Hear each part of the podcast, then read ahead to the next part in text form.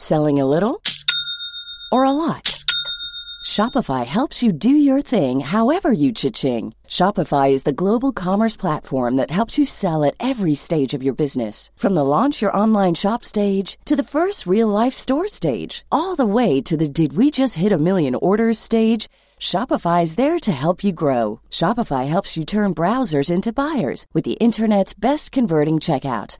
36% better on average compared to other leading commerce platforms because businesses that grow grow with Shopify. Get a $1 per month trial period at shopify.com/work.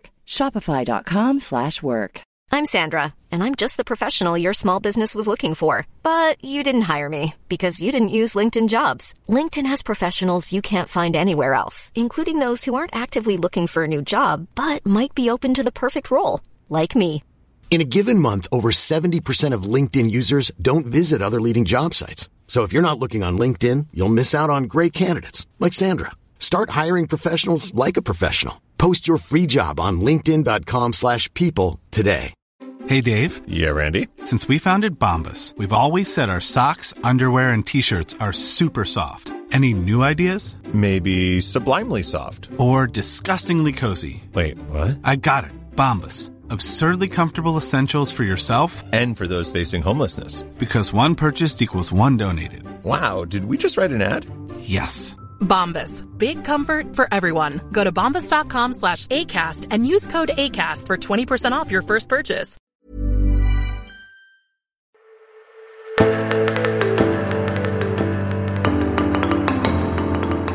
Hallo og velkommen til Dagen sin podkast. Istedenfor Tore og Tarjei, så er det Anders, Vera og Kristian, siden vi er sommervikarer i Dagen. Hallo. Hallo, hallo. Ja, hallo. Dagens tema, før vi begynner, det er hvordan skal kristne forholde seg til eh, klimaendringer, eller klimakrisen, som noen kaller det, og hvordan er det, hvorfor vil egentlig noen mennesker gå i kloster? Um, men før vi begynner med det, så tenkte jeg jeg skulle introdusere meg sjøl. jeg heter Anders Eidesvik. Jeg er 21 år og jeg er student. Jeg studerer økonomi, filosofi og politikk i England. Eh, Det er sånn tre for én-kombo for de som ikke klarer å bestemme seg. Um, og jeg studerer i en veldig sørlig by. Um, eneste grunn til at noen nordmenn har hørt om denne byen, som heter Exeter, er på av at de har et fotballag i andre divisjon, eller et eller annet sånt. Eh, men det er jo ganske gøy. Um, jeg er veldig opptatt av politiske spørsmål. Jeg er opptatt særlig av klima og internettfenomen. Eh, nye ord som jeg har skrevet litt om her i dagen, og har tenkt å skrive om mer. Um, til vanlig så driver jeg en filosofiklubb. Dette har jeg gjort siden videregående. Da starta jeg filosofiklubben Snakk rundt grøten, som er en pønn på at man ikke skal gå rundt grøten for de store spørsmålene, men heller sitte seg ned og snakke rundt de. Uh, vi samles en liten gjeng. Nå driver jeg det samme i England, hvor vi diskuterer store spørsmål. Alt fra uh, dødsangst til one night stands, så det er liksom hele spekteret. Um, ja. Og grunnen til at jeg, eh, jeg søkte som sommervikar her i dagen, da Jeg har ingen erfaring innenfor journalistikk, men de ga meg jobben. Så jeg eh, setter veldig pris på tilliten. Eh, dette er min femte uke, og det har vært en veldig bratt læringskurve, men ufattelig gøy. Veldig gøy å jobbe som journalist, og det er jo noe jeg har lyst til å kanskje gjøre i framtida. Så er det nettopp dette, så jeg setter veldig pris på. Men nok om meg. Så for å stille et veldig filosofisk spørsmål Hvem er du, Vera? Ja, hvem er jeg? Jeg er altså Vera Djapic Åsterkamp. Eh, etternavnene mine er serbisk og nederlandsk, fordi mamma er serbisk, pappa er nederlandsk. Og jeg har altså blitt veldig flink til å stave ut eh, navnene mine eh, til folk eh, når de spør. Eh, både på biblioteket og på, på skolen og på overalt.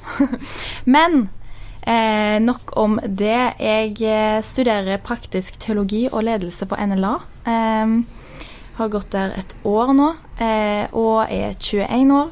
Eh, og fikk eh, sommerjobb altså i dagen som journalist. Og jeg er litt i samme båt som eh, Anders eh, og har eh, ingen erfaring fra før. Men jeg ble så godt tatt eh, hånd om når jeg kom hit. Eh, fikk en eh, god opplæring, og, og folk er så hjelpsomme her og så dyktige.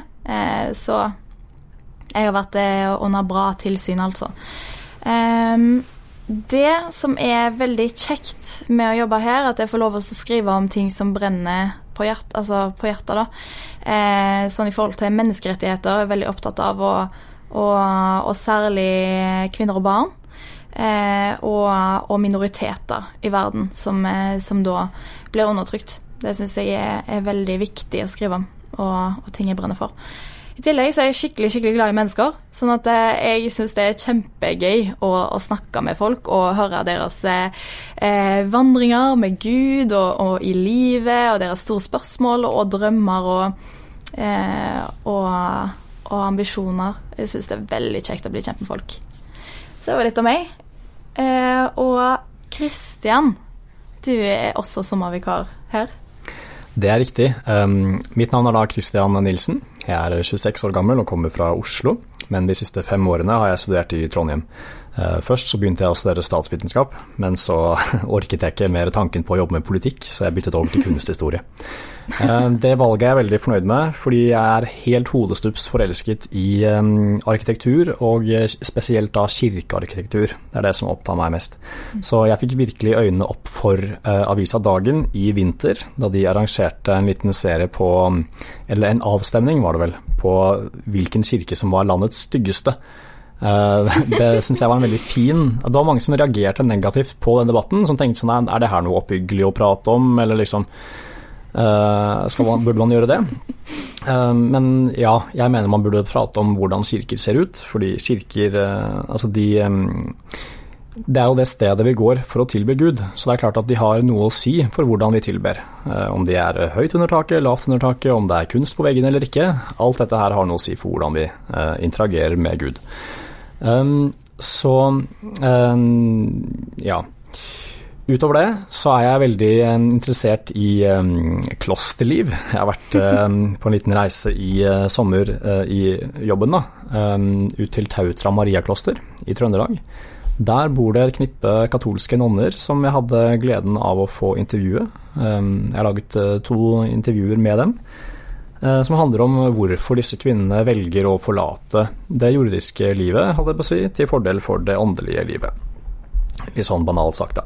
Eh, men eh, det, det, har vært veldig interessant. Fått veldig mange nye perspektiver på ting. Og ser frem til å fortsette å jobbe her og skrive litt mer om kirker og åndelighet og sånne ting i sommer. Før vi starter, Norges beste kirke? Nidarosdomen. Norges styggeste kirke? Østre Porsgrunn kirke. Takk for svaret. Um, dagens tema da er hvordan skal kristne forholde seg til klima? Og um, i hvilken grad skal kristne forholde seg i klima? Um, og før vi begynner, så har vi litt statistikk, fordi dagen er en undersøkende avis. Så de har gjort en undersøkelse om Kristen-Norge, hvor de bl.a. har kartlagt kristne sin holdning til klima. Og visste du at to tredeler av kristne syns det er en synd å forurense? Og um, opp mot 50 er svært bekymret eller noe bekymret for klima. Og da tenker jeg, før vi begynner, så er jo Hva tenker dere? Er det en synd å forurense?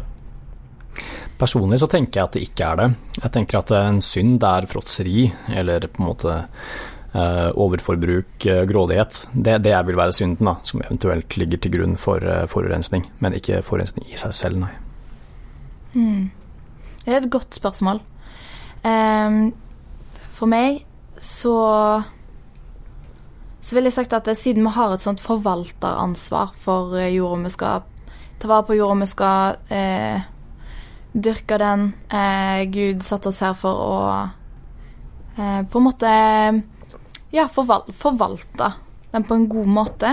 Sånn at når vi på en måte ikke gjør, eh, gjør jobben vår skikkelig, eller til og med gjør jobben vår dårlig og vet det, og gidder ikke å gjøre noe med det, og vi vet hvordan, så syns jeg det er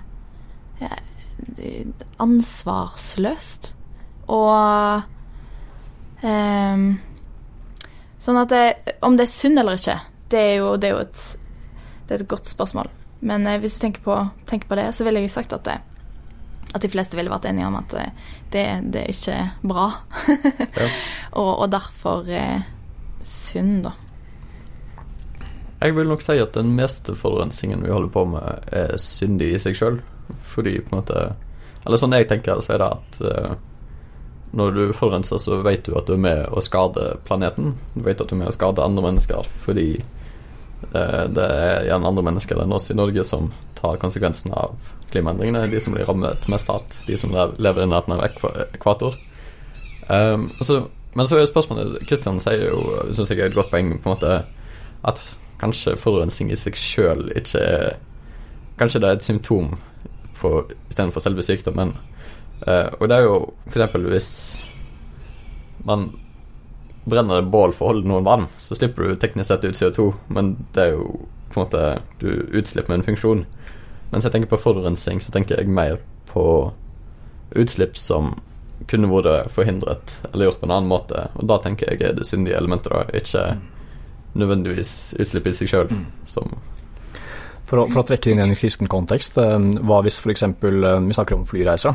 Det er jo blitt mye tabubelagt med flyskam og sånne ting. Um, er det da verdt å ta en flyreise hvis du er misjonær og frelser ti sjeler?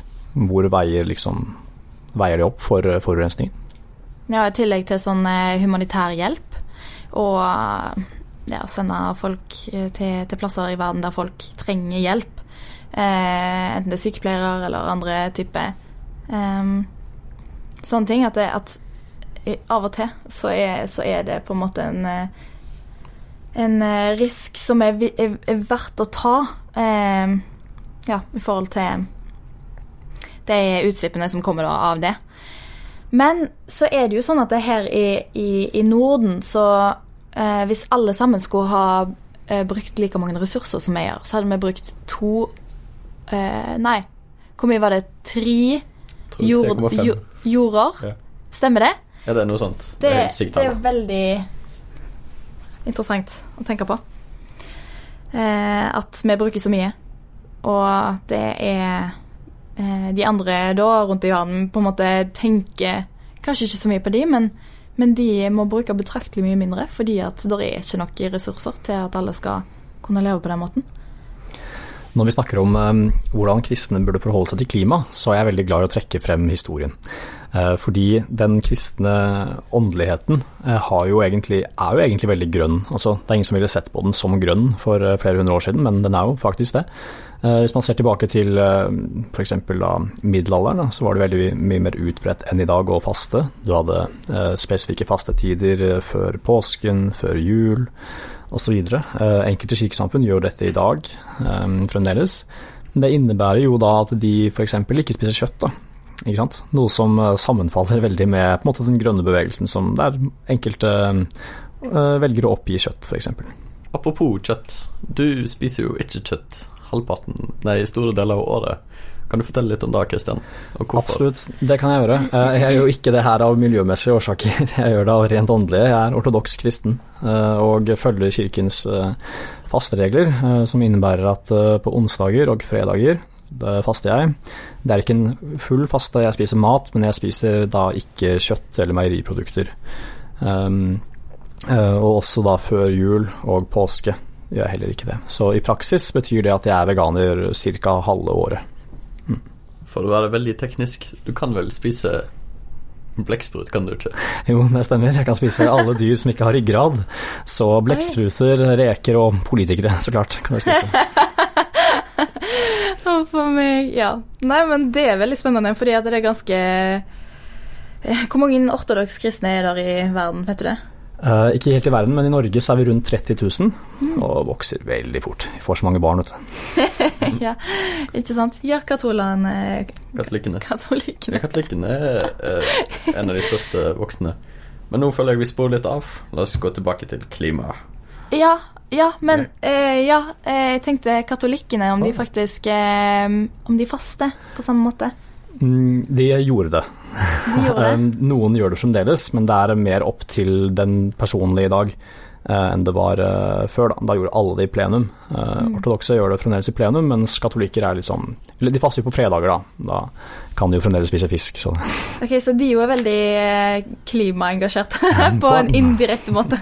på en måte så er det mm. Vi har jo paven som er veldig klimaengasjert. Yes. Pave. Francis han har jo blitt døpt klimapaven. Og han har jo på en måte brukt sin kirkelige autoritet til å sette klima på dagsorden. Når han skrev oh, nå skal jeg se om jeg husker latinen min korrekt Men han skrev iallfall et lærebrev som heter Laudato Si, som betyr 'lovet være du'. Hvor han skriver om på en måte at vi har et ansvar. Han, han mener det er synd. Eh, Han har sagt til verdens katolikker at det er en synd, så da er på en måte majoriteten av kristne tenker at det er en synd hvis du skal følge den katolske kirke. Eh, men det som er interessant, jeg skrev nettopp en sak Eller ikke nettopp, jeg skrev i forrige uke en sak om eh, en klimaorganisasjon Nei, en katolsk klimaorganisasjon som hadde kommet ut med ti konkrete råd for hvordan man kan leve mer klimavennlig. Og da var et av rådene var annet fasten, da. Eh, og de, så katolikkene er opptatt av det.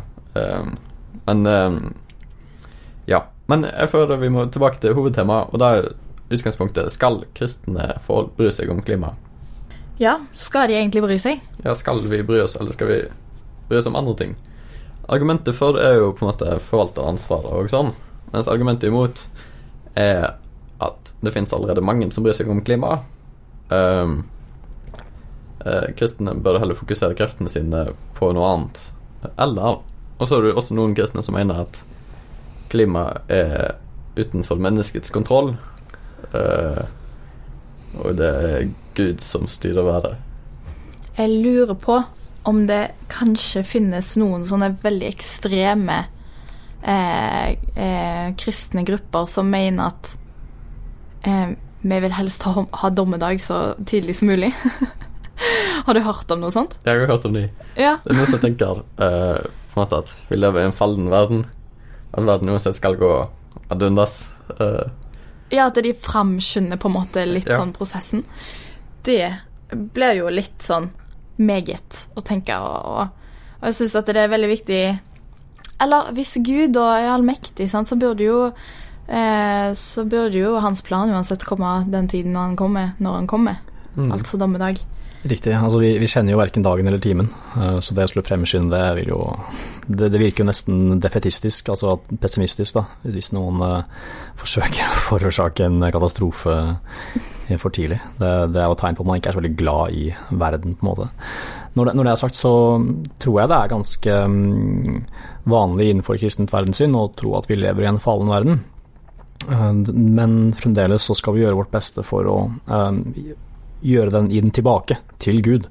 Um, vi skal på en måte gjøre vårt beste for å ta, ta hele skaperverket til oss, behandle det på best mulig måte og gi det tilbake til Gud. Og Det vil jo da innebære å forvalte den på en sunn måte. Både innenfor landbruk, også innenfor jakt og slike ting. Men et, jeg mener ikke at eller den kristne burde kanskje finne en slags middelvei, da, vil være mitt uh, svar på dette her. Uh, at man burde på en måte verken uh, gjøre seg for opptatt av klima, men man burde heller ikke liksom være for lite opptatt av det. Man burde finne en slags middelvei. Mm. For min del så tenker jeg eh, Eller ja, jeg, jeg er helt enig med dere at det virker veldig arrogant å tro at du kan framskynde dommedag med å slippe ut eh, CO2. Men eh, tilbake til eh, spørsmålet der du løfter opp da. For min del så tenker jeg at kristne har et veldig klart uh, imperativ, eller på en måte anbud om Eller ikke anbud, veldig klart påbud om å bry seg om klima. Uh, med tanke på forvalteransvaret som dukker veldig tidlig opp i Bibelen, det dukker jo allerede opp i, under, etter skapelsen, så er det på en måte at Adam og Eva skal ta vare på dyrene. Og så tenker jeg også at vi vet, eller på en måte hvis du leser om klimarapporter og forskning og sånn, så det veldig, henger det veldig tett sammen med medmennesker. Eh, på en måte at de klimaendringene vi ser allerede nå, og de som kommer til å komme ifølge prognosene, viser jo at det er mennesker i allerede hardt utsatte områder som blir rammet hardest. Eh, land som allerede sliter med gjerne borgerkrig eller eh, matstormer Nei, matsvikt og sånn. Det er allerede de som blir rammet. Så jeg tenker på en måte kristne sitt Kristne skal jo elske de neste som deg sjøl. Og de neste er jo alle fra, bokstavelig talt, de neste på gaten til de neste i Bangladesh, eller de neste i Kenya, eller de neste i eh, Argentina, liksom overalt. Og på en måte, hvis du Jeg tenker, hvis du skal ta det tilstrekkelig på alvor, så må du jobbe aktivt for å ikke skade de neste ved å slippe ut da. Og som vi har snakket om eh, antall kloder nordmenn bruker, så tenker jeg at vi er særlig eh, på en måte hadde særlig ansvar og er særlig skyldige overfor å forhindre dette.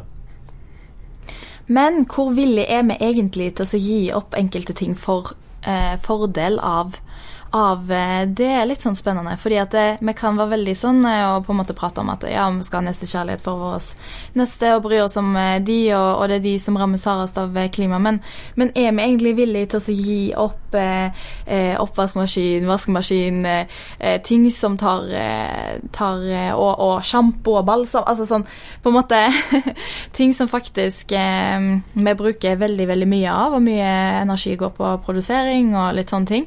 Eh, I tillegg til kutte ut kjøtt er jo eh, også Og fly. Og fly, sant. Og, og transport og, og, litt sånne ting. Um, og hvor villig er vi egentlig til å, så, til å gi det opp? Til um, det blir veldig vanskelig liksom, å, å, å bo som en eh, norsk familie med eh, Livet går veldig fort, og du har eh, f.eks. hvis du på en måte har fått familie, du har mange barn, og så må du vaske klær hele tida. Liksom, eh, ting er jo veldig mye lettere nå når du på en måte har alle de tingene, alle de ressursene. Men eh, er vi liksom Er vi villige til å Det, det, det, det er et spørsmål som det går an å stille. Vi kan jo begynne med kjøtt, da. Uh, hvor Kristian allerede har fortalt litt? Ja, nei, Jeg tenkte egentlig å svare på det Vera, spørsmålet Vera stilte, um, om uh, det med vil, hvor villige vi er til å gi opp ting. Uh, nå har jeg vært ute og møtt uh, mennesker som er ganske villige til å gi opp ting. noen av dem reiser i kloster. Der gir de jo opp uh, bl.a. veldig mye av moderne teknologi. de har jo ikke egne mobiltelefoner eller noen sånne ting. Um, de flyr jo utrolig sjeldent, så å si aldri. Um, så absolutt, noen, noen, mennesker velger jo et liv i uh, evig si, omvendelse og um, selvoppofring. Det er mye av det klosterlivet handler om. Um, nå er det jo selvfølgelig ikke slik at alle mennesker kan gå kloster. Da ville jo menneskeheten svunnet hen i løpet av én generasjon. Men, men, for de som er kalt til det, til å leve et liv i ensomhet og omvendelse, så, så tror jeg at de, de, gjør sin del for at verden i hvert fall ikke blir mer forurenset. På NLA-høgskolen gir vi deg utdanning med mening. Og samfunnet trenger både sannhetssøkende journalister, kloke pedagoger, etisk bevisste økonomer og musikere som berører. Sjekk ut NLA-høgskolens studietilbud på nla.no, eller besøk et av våre studiesteder i Bergen, Kristiansand eller Oslo. Ok, det er jo ofte tre ting som blir trukket fram. Det er jo fly, kjøtt og transport. Det er ofte det som blir trukket Eller forbruk istedenfor transport. Ja. Ofte det. Skal vi, skal vi prøve å snakke litt om de hvor? Hva tenker dere om hva man skal gjøre med i forhold til de, og ja. Hva gjør man sjøl? Jo, det jeg syns er veldig spennende, med, er, er, spesielt det spørsmålet om fly og sånt. Fordi du har sånne misjonsorganisasjoner som sender ut eh, spesielt Ungdom i oppdrag er jo en veldig eh, Er vel kanskje den største misjonsorganisasjonen i verden, og sender ut utrolig mange unge, og utrolig mange i egentlig alle aldre. Um, i, i, korttidsmisjon. Det pleier å være liksom fra tre, til, tre måneder til ett år. Eh, og, og um, sendes til mange plasser i verden, og de bruker mye fly. Um, det er jo veldig mange av disse misjonærene som har vært overalt i verden og flydd overalt i verden på veldig kort tid og bruker mye sånt. Men skal man liksom ikke gjøre det pga. fly, eller skal man risikere litt ekstra utslipp for da å redde eh, noen sjeler i, i, i Eh, et land der de ikke har misjonærer. Sånn, så det går jo an å på en måte, sånn som du sa, det med å liksom veie opp og, og, og se er det, er det verdt det, eh, er jo et godt spørsmål å stille seg. Jeg tenker vi må skille mellom viktige flyturer og uviktige flyturer. Jeg tenker på en måte eh, flyturer hvor man reiser på misjon, er viktig. Da tenker jeg du kan rettferdiggjøre det. Men jeg tenker f.eks. en weekendtur til London fordi du har lyst på ferie, mm. ikke verdt det. Uh, så, så, på en måte jeg syns det er viktig å dra et skille mellom der. Da. Og så også Hvis du ser på de meste flytrafikk uh, blant privatpersoner, så er det ikke formål som på en måte gagner verden så mye. da Det er stort sett å reise på ferie av egen interesse og sånn. Men jeg tenker det, det, det, det kan jo være forskjell hvis du f.eks. har en kjæreste i utlandet, i, eller familie som du sjelden besøker. Så tenker jeg du kan eh, fly der, da. Men hvis du på en måte flyr for din egen vinning når du kan gjøre andre ting, så tenker jeg da er ikke greit.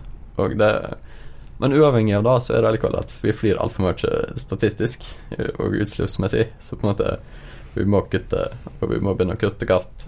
Um, Mm. og for min egen del så har jeg faktisk slutta å fly i fjor. Uh, jeg har satt meg som mål. Absolutt. Absolutt. Svømmer du over til England, eller hvordan gjør du det? Jeg tog tenkte det samme. eh, til England. Jeg kjøper sånn interrail-billett som varer i én uke. Også, Finnes det altså du kan ta, kjøre tog over Ja, jeg kommer til det. Så jeg, jeg, jeg, jeg kjører, tar tog fra Norge, Sverige, ned til Danmark, ned til Tyskland, ned til Belgia, ned til Frankrike. Og i Frankrike så er det en sånn undervannstunnel over til England. Oi. Så jeg tar den, da. Og så kommer jeg til Så det tar ca. sånn 48 timer med mellomstopp i Hamburg. Eh, det er mye togging. Ja, Det, det, er det er mye dyrere tog. enn fly. Men jeg føler på en måte at det er verdt det. Fordi jeg føler jeg ikke kan ta tog til England pga. utslippene er så høye. Nei, ta fly til England. Men ok, disse flyene her, de tar vel eh, hvor, hvor lang tid tar det cirka fra London? Sånn to timer cirka? Ja, Til Norge. Og så versus 48 timer i tog. Ja. Er det egentlig noen gevinst? Altså, er det noen sånn Er det forskjell faktisk på utslippet på de to timene i fly og 48 timer i tog? Ja. Utslippsmessig er det stor forskjell. Men du kan jo stille deg spørsmålet tidsmessig. Er det kun studenter som har luksusen og tiden til å reise dette her? Da er det kanskje verre. Men på en måte, jeg tenker eh, Jeg tenker For min egen del så har jeg tid og ressurser til å gjøre dette. Utslippsmessig er det eh, my- mye mindre utslipp på tog. Eh, det er mulig å regne ut på flere kalkulatorer. Selv om det er 48 timer kan ta to timer fly, så er det stor forskjell. Men eh, liksom om det er forsvarlig innenfor eh, tidsbruk, det er jo et annet spørsmål som er langt verre å svare på.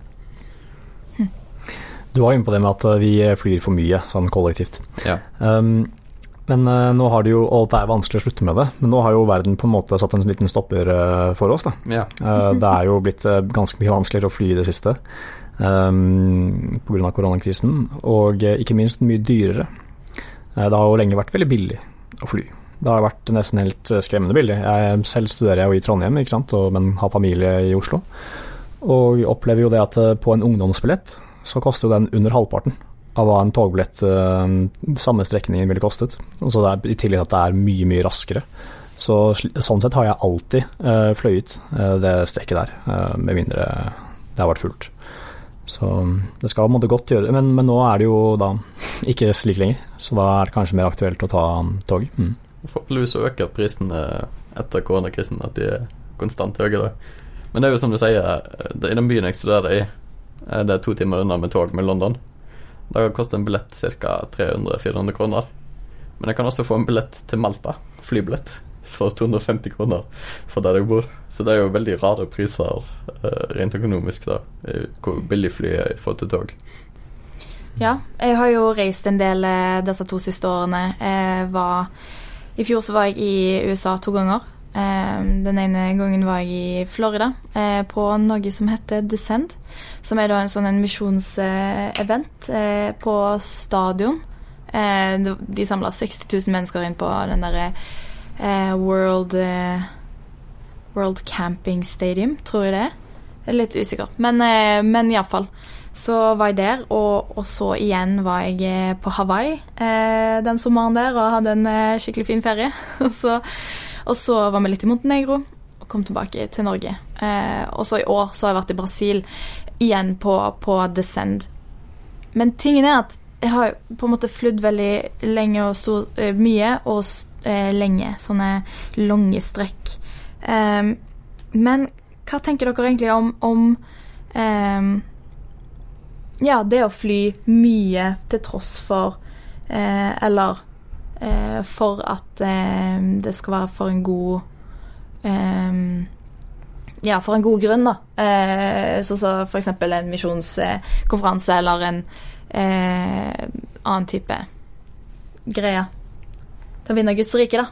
Kan si. De siste 50 årene har jo verden blitt veldig mye mindre. Det er jo også derfor vi flyr så mye. Eh, Før så var det jo ikke vanlig at mennesker besøkte li- andre land like ofte som det vi gjør, og i hvert fall ikke andre kontinenter. Eh, de fleste mennesker var jo ganske tilfreds med å bli født, eh, leve og dø i samme by og bygd. Mm. Så vi lever jo på en måte i en tid som er ganske annerledes da, fra det våre forfedre kjenner. Og det året her, 2020, har jo virkelig blitt året for norgesferien. Og det syns jeg egentlig er en ganske morsom ting. Da. Personlig så syns jeg vi har et veldig fint og rikt land, og det er veldig gøy å kunne utforske det i større grad. Vi, vi trenger jo strengt talt ikke å dra til de samme strendene i Syden hvert år. Eh, når vi har flotte strender her i Norge også. For å svare på spørsmålet ditt, så tenker jeg um, Kunne du gjort det samme på en annen måte, hvor du ikke trenger å fly? Er det f.eks.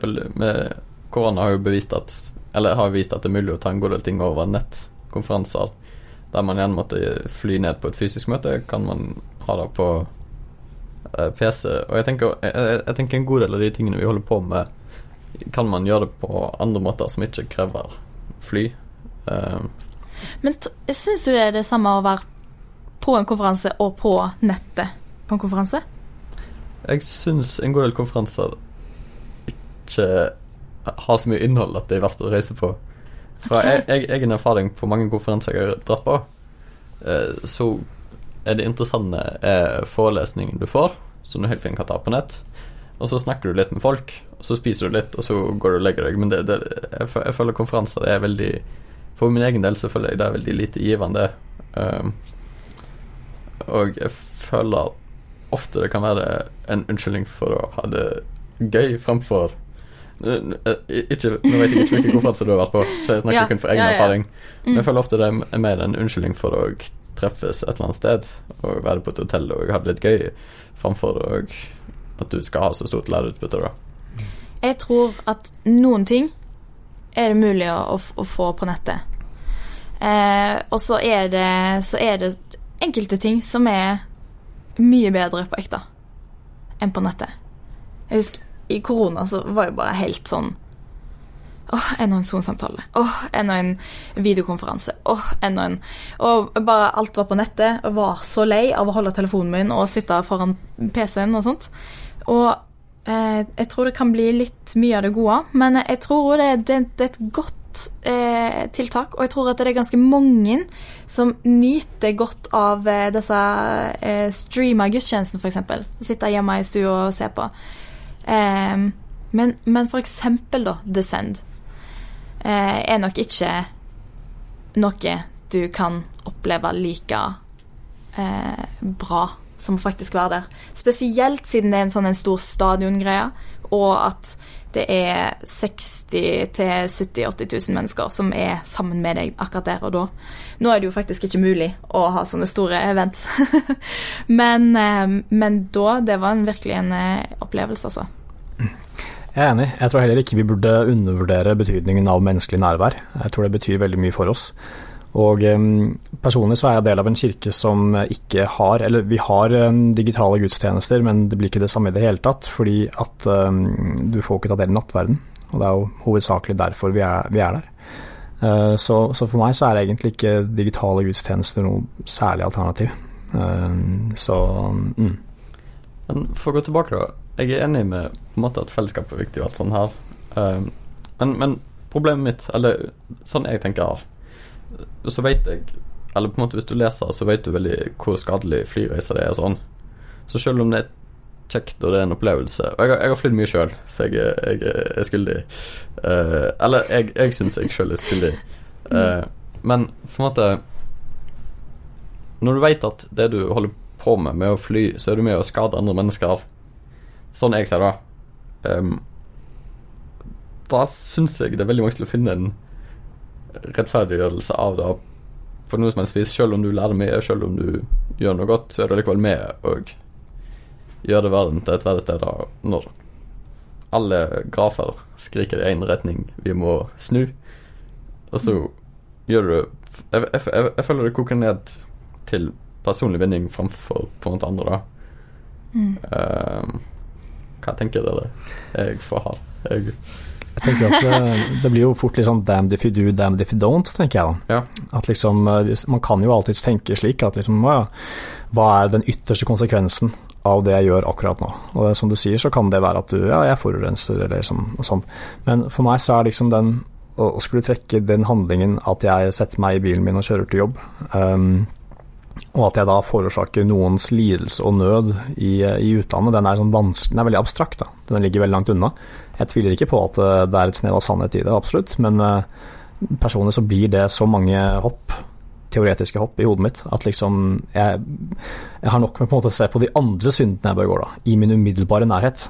Hvis jeg da er på en måte gretten ovenfor en medkollega eller familiemedlem, så vil jeg heller angripe den synden enn, enn det å reise. da.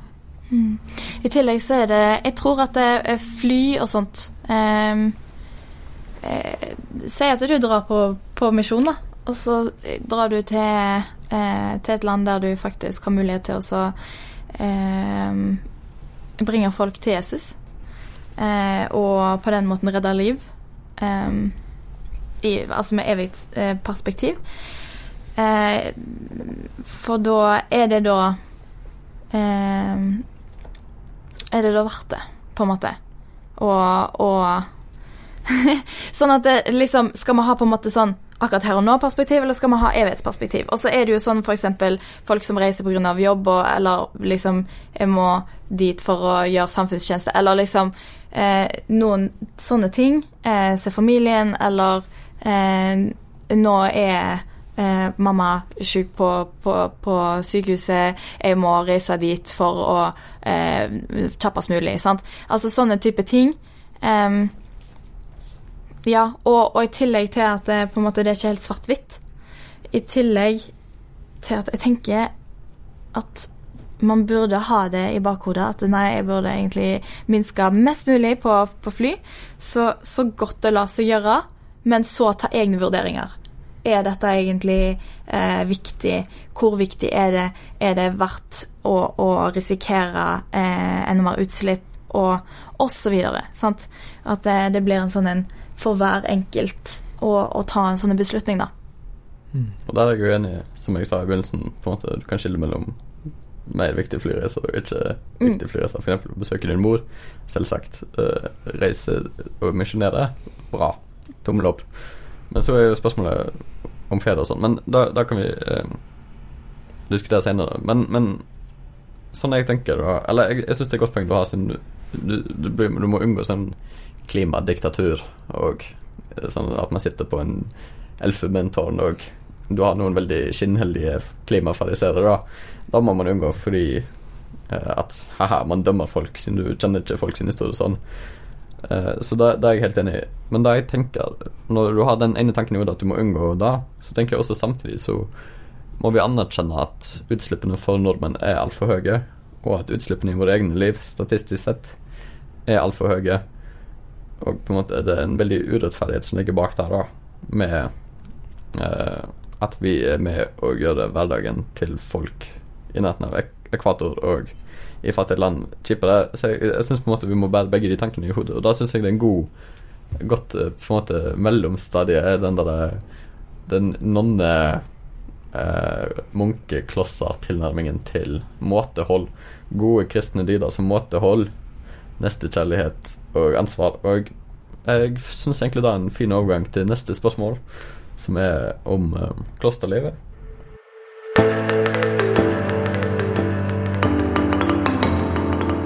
Nei, nå har vi snakka mye om klima og utslipp og sånn. Og hvis det er en som har sluppet ut mye denne uken, så er det deg, Kristian. Ja, nei, jeg har ikke fått forstoppelse. Jeg har bare kjørt bil.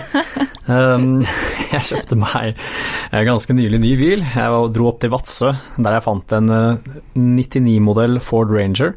Det er en sånn gammel pickup-bil med lasteplan. Uh, og på den så har jeg da kjørt litt rundt i sommer. Uh, den er rød. Knæsj rød. Den ble enda rødere etter at jeg polerte den. så um, reisen min begynte i um, Trøndelag. Jeg kjørte ut til Tautra Mariakloster og besøkte nonnene som bor der. Uh, med dem hadde jeg veldig hyggelige samtaler. Um, det resulterte i to artikler. Ehm, den første av eh, dem handlet om eh, hvilke erfaringer nonnene gjorde seg i, ehm, under koronatiden. Eh, og den andre handler mer om hvordan og hvorfor noen ønsker å bli nonne.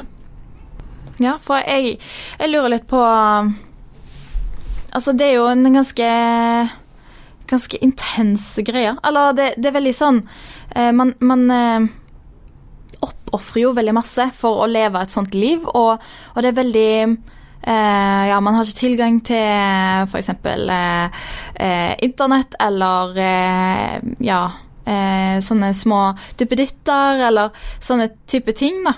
Nesten, en ting jeg lurer på, er jo hvorfor har noen i det hele tatt lyst til å bli nonne? Liksom? Hvem er det som syns det er appellerende å gi opp alle materielle ting og leve uten nesten eiendeler, uten internett og uten muligheten for å treffe eh, en partner? da.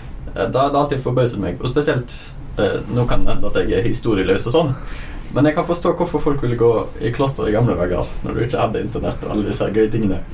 Hvorfor vil noen gå i kloster i dag? Da sitter jeg med å forstå. Et av sitatene jeg ble fortalt i, i klosteret, eh, var at hun ene nonnen fortalte at hun ønsket et liv der hun løp mot Gud. Hun ønsket at alt i livet hennes skulle dreie seg om åndelig utvikling, åndelig vekst, og dermed så, så hun på klosterlivet som en slags um, tredemølle da, på vei mot Gud. Uh, og, og, det er jo på en måte det som karakteriserer klosterlivet. Um, de er der for å be, de er der for å um, vokse nærmere Gud ved å gi opp uh, veldig mye. Uh, så det er på en måte en slags fast track til Gud, da. Ja, jeg husker jeg har jo vært i en del kloster i oppveksten og sånn. Eh, når vi har eh, med mamma sin eh, familie, da bor jo i Serbia og med en del i Montenegro. Og der er det masse kloster. Masse, masse fine kirker, masse fine sånne ortodokse med, med, utrolig vakre sånne steingulv og, og mosaikk og, og, og, kunst på veggene og, og masse bilder og sånt. Og det er det er en sånn en helt spesiell opplevelse å være i disse klostrene.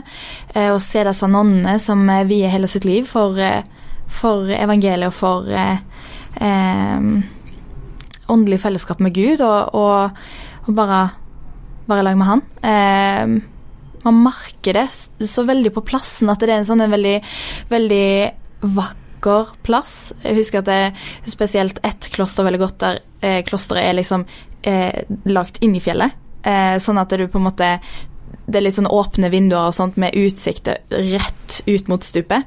Veldig vakkert og eh, stort og merker at når jeg går Når jeg har vært der inne, så har jeg kjent at det her er Gud. At det er, det er en sånn en eh, enorm respekt, eh, særlig i forhold til Her skal vi være stille, her skal vi eh, Eh, lytte til Gud og, og, gi rom for Gud, eh, det syns jeg har vært en utrolig sterk opplevelse. Så jeg kan skjønne at det, eh, det tiltrekker veldig å, å, leve sånt, å leve tett på Gud, fordi at det er, en, det er utrolig fredfullt på disse plassene. Det har jeg kjent på sjøl. Her føler jeg jeg nesten må protestere. Så jeg er helt enig med deg. Det er fantastisk å besøke kloster og sånn. Men jeg tenker det er fint å se det. Være der kanskje et par dager. En uke maks. Men liksom, tenk å leve der. Da, det, det, da sliter jeg med å ja. Hva var det noen sa til det, Kristian? Ja, nei, Først og fremst så var de veldig opptatt av dette med stillhet. Eh, hun ene sa at hun klarte nesten ikke å puste andre steder enn i klosteret. Fordi der hadde hun stillhet. Der hadde hun fred og ro. Um, hun, hun, sa også det at hun, hun mener at det moderne mennesket i dag er, ikke får nok stillhet. At er, eh, vi er omringet av så mye støy rundt oss, slik at eh, Guds stemme blir eh, stengt helt ute. Så det er på en måte det som kanskje får noen til å ønske å velge å bli der. At de rett og slett føler seg så bra når de er der. De føler at de er klare i hodet, klare i tankene sine. At de har et eh, sterkt bønneliv når de er der, eh, som de rett og slett eh, kommer tilbake igjen og igjen da, for, å, for å oppnå. Det er jo ikke sånn at I hvert fall i dag så er det jo ikke sånn at folk blir værende i kloster etter første besøket, på en måte. Det er som regel sånn at folk kommer først for en liten retrett, de er der gjerne i tre til fire dager. Og så kommer de kanskje tilbake en gang iblant, og så kanskje får lengre og lengre opphold, og så plutselig finner du ut av at nei, her har jeg det faktisk så bra med meg selv at jeg bare blir livet ut. Men eh, så er jo selvfølgelig det også en ting som de eh, kjemper mot, da. de snakket jo mye om det. Um, mange ganger så um, ønsker de Eller på en måte de, de Så tenker de mer på hva det er de på hadde på utsiden, og de savner kanskje mange ulike ting. Uh, men da kjemper de med seg selv da, om å liksom Nei, her har jeg lovet at jeg skal være, og jeg har det egentlig bra her, på en måte. Jeg må bare komme meg gjennom det. Så, ja, for jeg tenker det er ganske mye som på en måte opptar mennesket, og akkurat nå så er det jo Eh, med tanke på at alle sammen eh, stresser så mye. Det er så mye stress, det er så mye eh, Vi ble jo kalt generasjon prestasjon. Og, og, at det er veldig mye sånn eh, som skjer hele tida travelt. veldig sånt. Og det å på en måte roe ned livet, det å faktisk ta eh, og få tiden til å gå saktere igjen. Husker korona, jeg trodde jeg skulle, skulle he få helt sånn Sånn eh, Jeg ble veldig rastløs, men så eh, gikk jeg inn i en sånn en rytme der jeg bare kunne nyte ting igjen. Sånn OK, ting tar tid eh, av og til, og, og kan nyte liksom det, det, å ha det stille. Og, og, det er sikkert det med at de liksom første gang kommer der og, og har liksom sånn retreat eh, noen dager og tenker ja, det er godt å komme seg tilbake til eh, travle, den travle hverdagen. Men så, når man på en måte gjør det litt, så er det faktisk ingen andre plasser du har lyst til å være. fordi det er noe godt for sjela å, å, slappe av, og det å, å, være i takt med Og så vet jeg på at, at disse nonnene, da, de er ikke så veldig De er ikke de verste, altså klimaverstinger, for å si det sånn. så se for dere hvis flere hadde gått i kloster og, og via livene sine. Det hadde vært godt for klimakrisa, for å si det sånn. ja. Nå, alle sammen ja. Ja, De er i hvert fall veldig sånn, selvforsynt. De, tradisjonelt sett så har de vært veldig flinke jordbrukere. Um, og de har vært med å utvikle det vi har av moderne land, landbruksmetoder. Da. I hvert fall opp gjennom middelalderen og til i dag. Ja, for å gå tilbake til litt til stillhet og sånn. Så jeg jeg syns du er inne på noe interessant. At uh, den, det er ganske stressende den moderne tid, føler jeg. Mm. Jeg føler liksom du, du sover og sover, men du blir aldri uthvilt. Uh, liksom Jeg føler uh, det er et, et, sånn e-, evig jag med å sjekke telefonen sin. Hvis du har iPhone, kan du sjekke hvor ofte du sjekker den. eller svare på mail eller svare på telefonen. Så jeg forstår jo på en måte eh, appellen med å dra i klosteret og få den opplevende stillheten. Og jeg tror det nærmeste jeg har kommet klosterliv sjøl, det var de to siste somrene så hadde jeg jobba på en sommerleir for barn med funksjonshemninger. Eh, okay. Og da var det veldig faste rytmer. Det var veldig tungt fysisk arbeid. Eh, 8 16 timers skift. Men det var faste tider du sto opp, faste tider du åt middag, faste tider du gikk og la deg. Uh, vi hadde ikke tidebønn, men vi hadde sånn tidspunkt når du skulle gi medisin, så det var jo litt det samme. Uh, og jeg har aldri sovet så godt i hele mitt liv sånn som jeg når jeg jobba der. Ja. Jeg, det var liksom første gang jeg har blitt skikkelig uthvilt. Selv om jeg jobba 16 timers skift, så var det sånn Jeg følte meg sykt bra når jeg sto opp. Og hadde sånn rolig sjelefred. Så jeg kan jo forestille meg at det er noe av det samme som klosteret eh, kanskje kan være.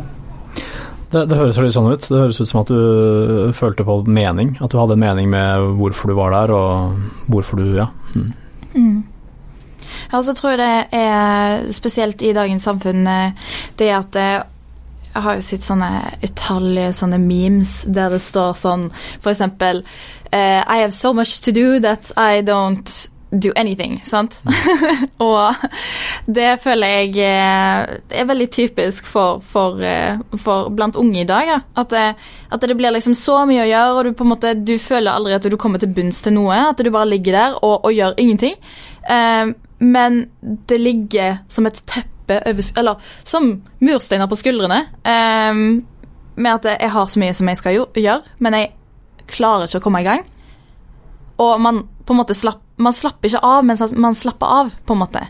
Sånn at når man kan, kan komme til sånne plasser, så, så får man mye mer eh, fred, da. Eh, og jeg tror at det, det er veldig attraktivt i, en, i et samfunn som, eh, som, vi har i dag, da. Ja.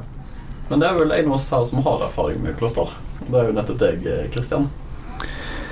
Ja, um, nå har jeg jo aldri vært munk eller noe sånt, uh, men jeg har jo besøkt en del, en del klostre. Jeg har vært på et kloster i Finland, eh, på grensen til Russland, midt i skogen. Eh, og det var en veldig fin opplevelse. Der, det var et ganske stort kloster, der de, det bodde mange munker der. De drev med mange forskjellige ting. De, hadde, de lagde whisky der som de solgte. De lagde vin, de lagde lys. Veldig mye forskjellig da, som de drev på med. Kan man lage vin i Finland? Tydeligvis. I hvert fall altervin. Ja. Mm. Så, Drikker de den selv? Å ja da. De, de, um, drikker altså? Ja, kan, ja da, de, de, gjør det. Uh, og ikke bare drikker de, de drakk i hvert fall meg under bordet. jeg klarte ikke å holde følge med dem. Nei, det var veldig, veldig hyggelig. Og det, det, som er så gøy med å være i klosteret, er at på, man, man, skulle på en måte tro, altså det jeg trodde i hvert fall før jeg kom dit, at liksom, disse her må jo være noen særinger som velger å bo i ensomhet og liksom utenom den normale verden. og De vet vel sikkert ingenting om hva det er, hvilke problemer man har på utsiden og sånn og sånt, men det jeg erfarte var at det var mennesker som de var veldig i kontakt med liksom uh, sitt følelsesliv, og de, selv om de på en måte ikke lenger Altså, de har jo en gang levd i verden, ikke sant, men Eh, de var veldig i stand til å komme med konkrete og veldig gode råd um, til besøkende om hvordan de kan gjøre ting enklere for seg eller bedre for seg. Og det følte jeg var mye av styrken til, um, til det klosteret, at man kan komme dit som besøkende og med sine problemer. Uh, og én ting er at du kan være der og slappe av litt og puste ut, men du kan også få veldig gode råd om uh, hvordan man kan, man kan ta med seg tilbake da, i hverdagen. Så det, det er å anbefale. Siden du besøker litt kloster en gang i halvåret? Det stemmer. Ja. Og hvor lenge er du der når du først er der? Nei, det, De sier jo at du burde være der i sånn minst to-tre dager. Bare for å venne deg litt i døgnrytmen og for å um, komme liksom, få hverdagen litt på avstand. Uh, men så er det jo en luksus, tid er en luksusvare. Sånn at uh, man har som regel ikke tid til stort mer enn uh, fem-seks dager. Ja. Apropos stillhet og klosterliv. Det er ikke helt det samme, men i det siste så har jeg eh, begynt å eh, gå på et par kvekermøter. Og for de som ikke vet hva kveker er, så er det en uh, kristen uh, gruppe, gruppering, uh, som holder på med hvor bønnemøtene består av en time eller en halvtime total stillhet. Man treffes i en sirkel, og så sitter man rundt hverandre, og så sier man ingenting. Mm. Og da var De gangene jeg har gått, så har det vært veldig rart. Siden du er vant til at noen skal ta ordet. Du er vant til liksom at nå skal du si noe. Man sitter nesten aldri i ro i mer enn ti minutter i stillhet. Men jeg merker det, det er veldig deilig, da. Og så har det jo spesielt morsomt med korona, fordi hvordan har du kvekermøter? Jo, du har det på Zoom, sånn som alle andre. Men da har du altså 20 stykker som sitter foran en skjerm, og du har totalt stillhet. Alle har mikrofonen på, men det er ingen som snakker. Så, det er jo veldig gøy å se. Jeg visste ikke kvekere fantes lenger. Jeg trodde det bare var sånn eh, mytologisk eh, skikkelse man så på film, eller som var på Kellogg-pakningene eller et eller annet sånt. Nei, de fins. Um, det er ikke så mange av dem, men uh, vi holder på. Hm. Det var sånn På studentsamfunnet når jeg gikk der, um, så gikk jeg inn på et møtesal, da. Og så venta jeg på at kvekerne skulle dukke opp.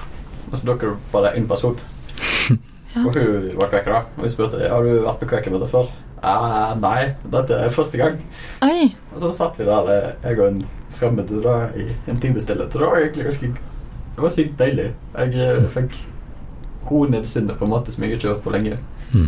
Og du, tenk, du, tenker mye tanker når du sitter en time uten å tenke på noe spesielt, uten å fikle med noe. Så da, jeg tror absolutt stillhet er noe vi undervurderer veldig i, i hverdagen. Og, uh, jeg hadde faktisk en uh, Jeg har en kompis som uh, Han studerte altså til å bli katolsk prest i, i, i Mexico.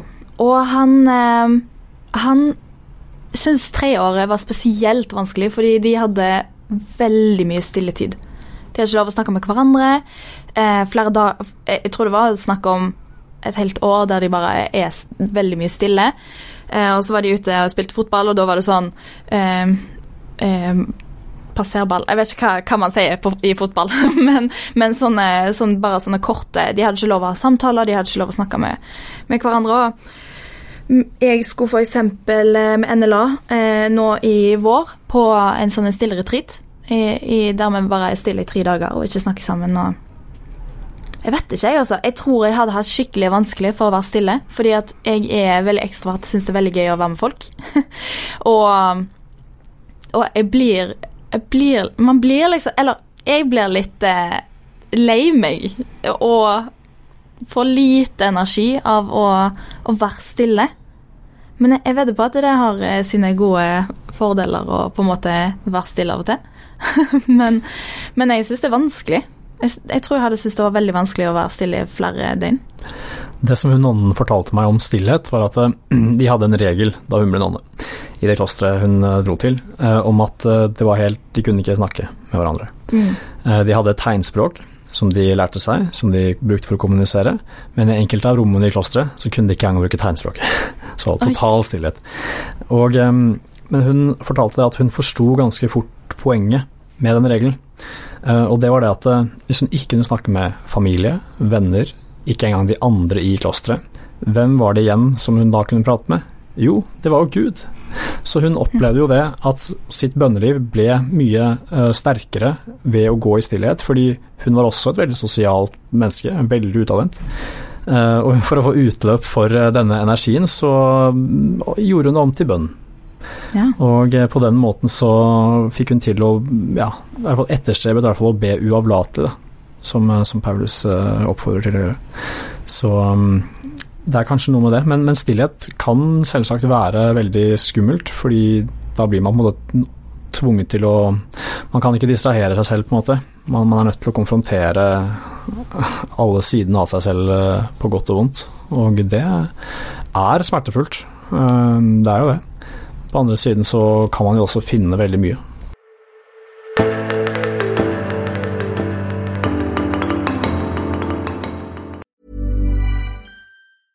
Selling a little or a lot?